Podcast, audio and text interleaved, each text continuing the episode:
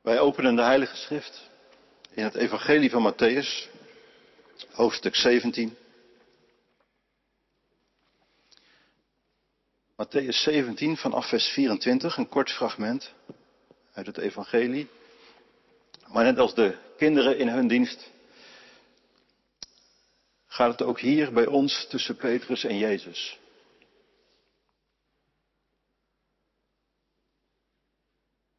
Toen ze in Cafarnaum waren aangekomen, kwamen de inners van de tempelbelasting bij Petrus en vroegen, draagt uw meester de dubbeldrachme niet af?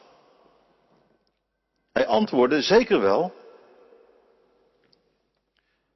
En toen hij thuis kwam, was Jezus hem voor met de vraag, wat denk je, Simon? Van wie innen de heersers op aarde tol of belasting? Van hun eigen kinderen of van anderen? Op zijn antwoord van anderen zei Jezus tegen hem, dan zijn de kinderen dus vrijgesteld. Maar laten we niet voor het hoofd stoten. Ga naar het meer, werp daar je hengel uit en haal de vis die het eerst bijt van de haak. Als je zijn bek opent, zul je een vier drachmenstuk vinden. Neem het mee en betaal hun voor ons allebei. Tot zover de lezing. Gemeente van Jezus Christus, het werd er voor Petrus niet makkelijker op. Met dat Jezus zo prominent in zijn leven was gekomen, kwam hij tussen twee vuren in. Door Jezus ingewonnen voor. Voor wat eigenlijk? Voor het koninkrijk der hemelen. Maar of Petrus daar nu al visie op had gekregen,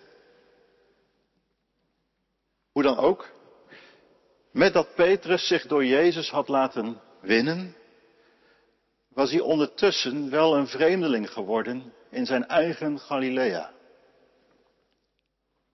En nu, in Capernaum, ondergaat Petrus heel concreet hoe de achterdocht tegen Jezus op hem afstraalt.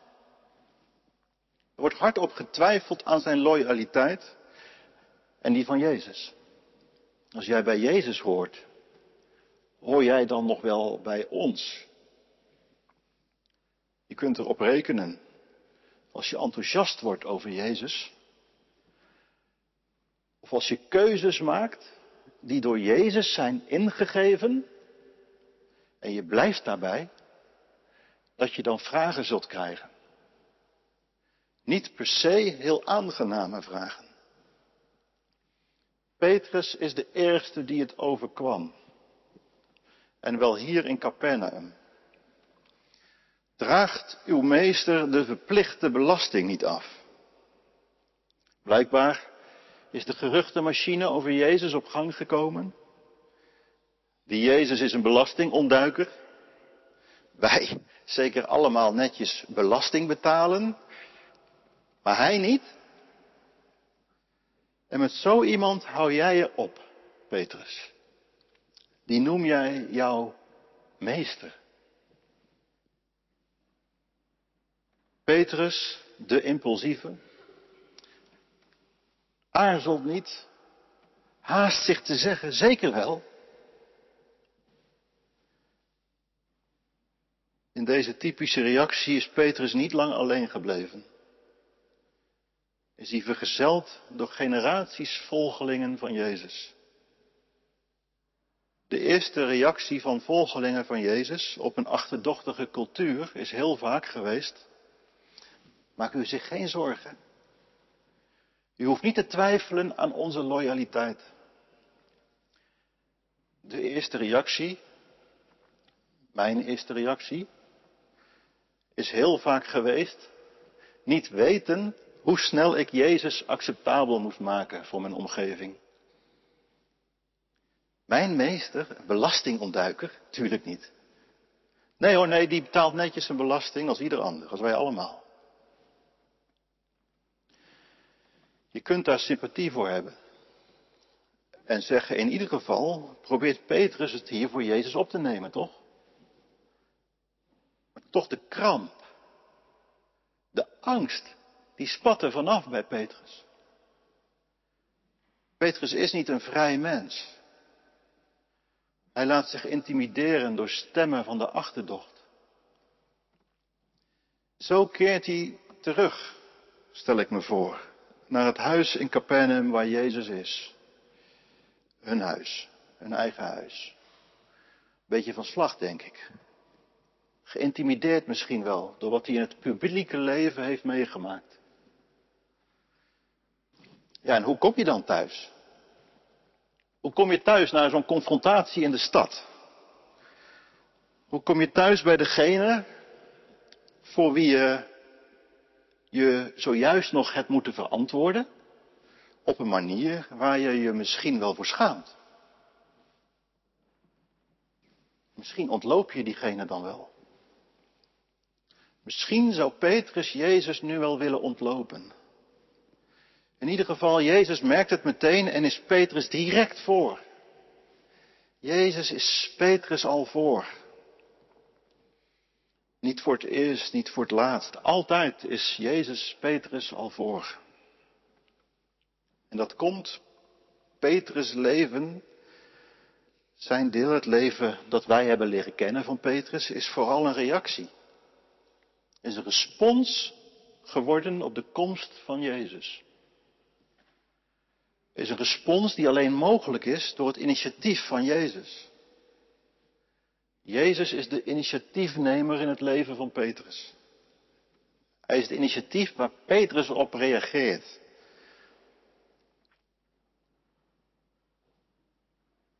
Het is allemaal een respons. Zo ook zijn twijfel. Zo ook zijn moed. Zo ook zijn angst. Zijn beleidenis. Zijn verloochening. Het is allemaal antwoord aan Jezus. Wat dacht je? Dat Jezus niet weet wat je voor hem verborgen houdt, wil houden. Jouw halfslachtigheid wellicht. Je twijfel. Je argwaan. Jouw geïntimideerdheid. Je weerstand zelfs tegen hem. Want waarom moest hij jou zo nodig hebben? Waarom jou aanspreken? Waarom tegen jou zeggen, volg jij mij? Natuurlijk weet hij het. Hij heeft het zelf in je wakker gemaakt. Met dat hij in je leven verscheen. Met dat hij je aansprak. Wist hij hoe jij wel en hoe je niet op hem zat te wachten. Dat blaakt voor hem blijkbaar niet uit. Het hield hem niet tegen, toch? Integendeel. Hij zei, volg jij mij, Simon.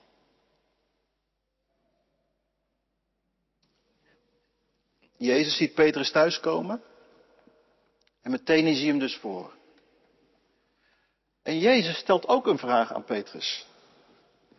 Zie je dat? Van twee kanten komen de vragen op Petrus af. De cultuur waaruit Petrus afkomstig is, stelt lastige vragen aan Petrus. En alsof het nog niet genoeg is, want dan zit je toch niet op te wachten als je thuis komt, dat je meteen weer een vragenvuur op je afkrijgt. Waarom Jezus nu ook meteen weer een vraag voor Petrus? Kan hij niet even wachten? Kan Jezus Petrus niet even met rust laten? Dat zou toch empathischer zijn als je weet wat er in die ander omgaat? In plaats daarvan meteen die vraag van Jezus. Simon, van wie innen de heersers op aarde tol of belasting? Van hun eigen kinderen of van de anderen? ik benadruk nu dus heel sterk dat Petrus van twee kanten vragen op zich afgevuurd krijgt. Is het je wel eens opgevallen dat Petrus in het evangelie ook de leerling is die vaak op vragen van verschillende kanten moet ingaan? Petrus is de leerling van wie telkens verantwoording wordt gevraagd. Je zou het evangelie eens moeten scannen op de vragen die aan Petrus worden gesteld. Die komen van twee kanten. Van de cultuur hè, en de cultuurdragers enerzijds. En van Jezus. En dat zijn hele verschillende manieren van vragen stellen. In elke vraag die in het evangelie vanuit de cultuur naar Petrus toekomt, zit een bepaalde ondertoon. Niet per se een aangename ondertoon. En telkens voelt Petrus zich in het nauw gedreven door die vragen uit de cultuur. De vragen van Jezus voor Petrus hebben een heel ander karakter. Jezus stelt epifanische vragen. Die bedreigen Petrus niet. En die vragen Petrus tevoorschijn, als het ware. En het antwoord dat Petrus dan geeft op de vragen van Jezus, is als een geschenk van Jezus aan Petrus. De antwoorden die hij bedenkt, zijn genade. De antwoorden die Petrus geeft op de vragen van Jezus, die geven aan Petrus namelijk een soort waardigheid. En een soort goede verantwoordelijkheid. Als Jezus aan Petrus de vraag stelt, wie ben ik volgens jou? Wie zeggen de mensen die ik ben? Maar wie ben ik volgens jou?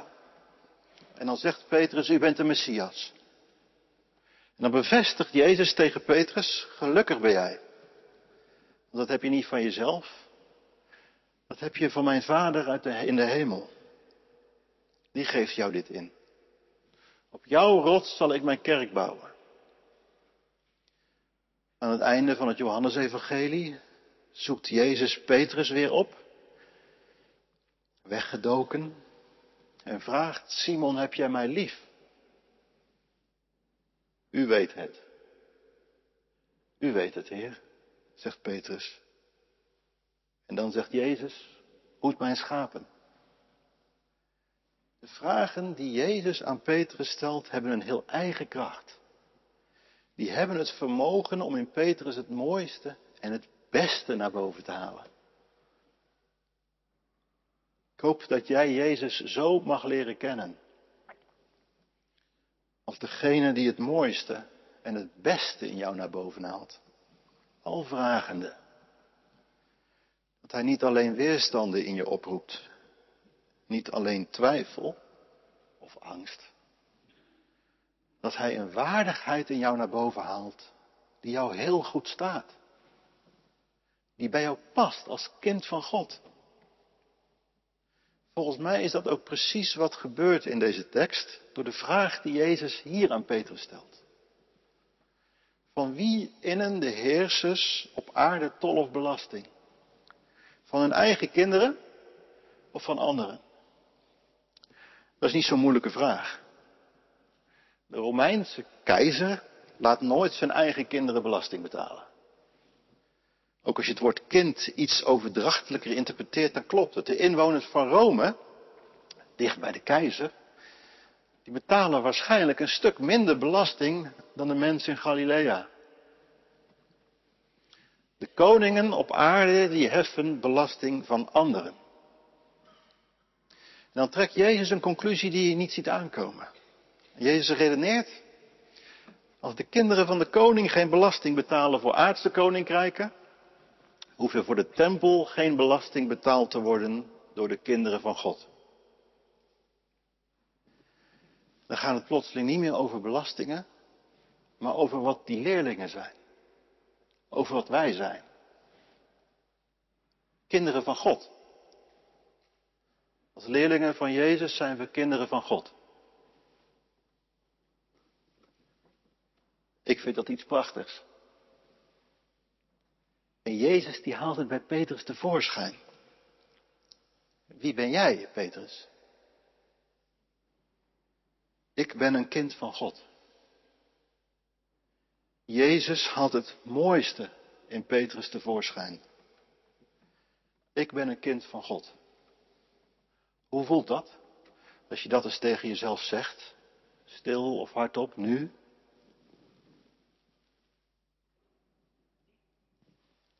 Voor mij klinkt het als een grote opluchting. Of zelfs als een triomf. Het maakt je groter dat je een kind van God bent. Het maakt je groter. Maar op een mooie manier. Je gaat er een beetje meer rechtop van zitten. Jij kijkt nu anders de wereld in. Niet zo bang, niet zo geïntimideerd. Je hoeft je niet te verschuilen meer. Jij kijkt nu anders de wereld in. Wereld, hier ben ik, kind van God. Dit levert vrijheid op. Er is niet iemand op aarde die over jouw ziel of over jouw geweten heerst. Jij bent vrij. Kind van God zijn en vrij zijn horen bij elkaar. Want je bent kind aan huis bij God. Christen zijn betekent jij vertoeft in zijn paleis. Je bent in zijn hemelse woning kind aan huis. Jij eet aan zijn tafel. Hij deelt brood en wijn met jou. God heeft je aangenomen als zijn kind. En niemand kan jou dit afpakken. En niemand kan jou hier de voet dwars zetten. Een christen is heer over alle dingen en niemands onderdaan, zal Luther later schrijven in zijn eerste boekje. De vrijheid van een christenmens. Als kind van God ben jij niemands onderdaan. In de tijd van Jezus betekende het ook met die tempel, met al die priesters die van alles voor jou verlangen, heb je niet zo heel veel te maken. Ze zijn niet zo interessant voor je. En je hebt ze niet nodig, want je bent al thuisgekomen bij God. Maar, zegt Jezus, laten we niet voor het hoofd stoten. Die priesters en die belastinginners. Hé, hey, dat is anders. Dit is atypisch. Dit is tegen de trend in. Een ander niet voor het hoofd stoten. Dat is toch tegen de trend in? Laten we een ander mens voor struikelen bewaren, zegt Jezus eigenlijk. Dit gaat tegen de trend in. Luther schreef, een christen is niemands onderdaan. Eén regeltje later schrijft hij, een christen is ieders onderdaan. En hij bedoelt, zoals Christus aan niemand of niets onderworpen is dan alleen zijn Vader, zo zijn wij aan niets of niemand onderworpen. Maar zoals Christus zich vrijwillig aan allen onderwierp, zo zullen wij ons vrijwillig aan allen onderwerpen. Wij dienen uit vrijheid. Wij zijn soeverein om te dienen. Zo dragen we Gods genade de wereld binnen. Onze dienst aan de mensen is een geschenk. Jouw dienst aan de mensen is een vrije gave. Niemand kan het van ons afdwingen. Maar we zijn wel vrij om ons te geven. Misschien is dat iets om straks van de tafel mee te nemen naar huis. In de dagen van de week die volgen. Dat je de komende week, misschien kinderachtig hoor, maar toch hè. Dat je de komende week als je ochtends opstaat, in de badkamer in de spiegel durft te kijken. Eerst even tegen jezelf en tegen God zegt. Ik ben van u. En dan in de spiegel tegen jezelf. Ik ben niemands onderdaan. En daarna. Ik ben ieders onderdaan. In deze volgorde. Ten slotte zegt Jezus tegen Petrus: Ga naar het meer. Werp je hengel uit. Maak de bek open van de eerste vis die bijt. Daarin zal je een geldstuk vinden dat voldoende is om de belasting van jou en mij allebei te betalen. Lijkt een beetje sprookjesachtig. Ik lees meer in dit verhaal dan Jezus weet met een toverdruk handig een beetje aan een beetje cash te komen. Ik denk dat het verhaal laat zien wat Jezus zojuist gezegd heeft. Jezus heeft gezegd, de kinderen zijn vrij. Die hoeven geen belasting te betalen. Maar wie niet een kind van God is, wie niet een kind van de koning is, die moet wel belasting betalen. De belastingen worden opgebracht door degenen die geen kind van de koning zijn. In de Bijbel is de zee, het water, vaak symbool voor zonde en dood. De vis is het dier dat daarin woont, in het water, in, het, in de zee. In die macht. Als ik het verhaal met dit in mijn achterhoofd lees, is het hier alsof het gebied van de dood en de zonde zijn opbrengsten, zijn schatten komt brengen voor de kinderen van God. De dood betaalt schatting aan de kinderen van God, zodat zij onbezorgd kunnen leven. Petrus die een vis uit het water haalt, een muntstuk uit zijn bek trekt. Dat is even een flits, een verre flits vooruit, begrijp je? Dit fragment is in het evangelie een verre flits vooruit. Voorbij het lijden en sterven van Jezus. Voorbij de kruisdood. Voorbij Pasen naar een situatie waarin zonde en dood aan Christus zijn onderworpen. Een situatie waarin alles zal meewerken ten goede. Zelfs zonde. Onze zonde. Zelfs de dood. Alles werkt dan mee ten leven. Heel de schepping werkt dan mee ten leven. Omdat Christus Heer is over alle dingen. Paulus die schrijft, omdat hij zich zo heeft vernederd. Gehoorzaam werd tot in de dood aan het kruis. Daarom heeft God hem hoog verheven en zal elke knie zich buigen en elke tong beleiden. Jezus Christus is Heer. Wij zijn zijn leerlingen en kinderen van God. En daarom, en alleen daarom, zijn wij vrij.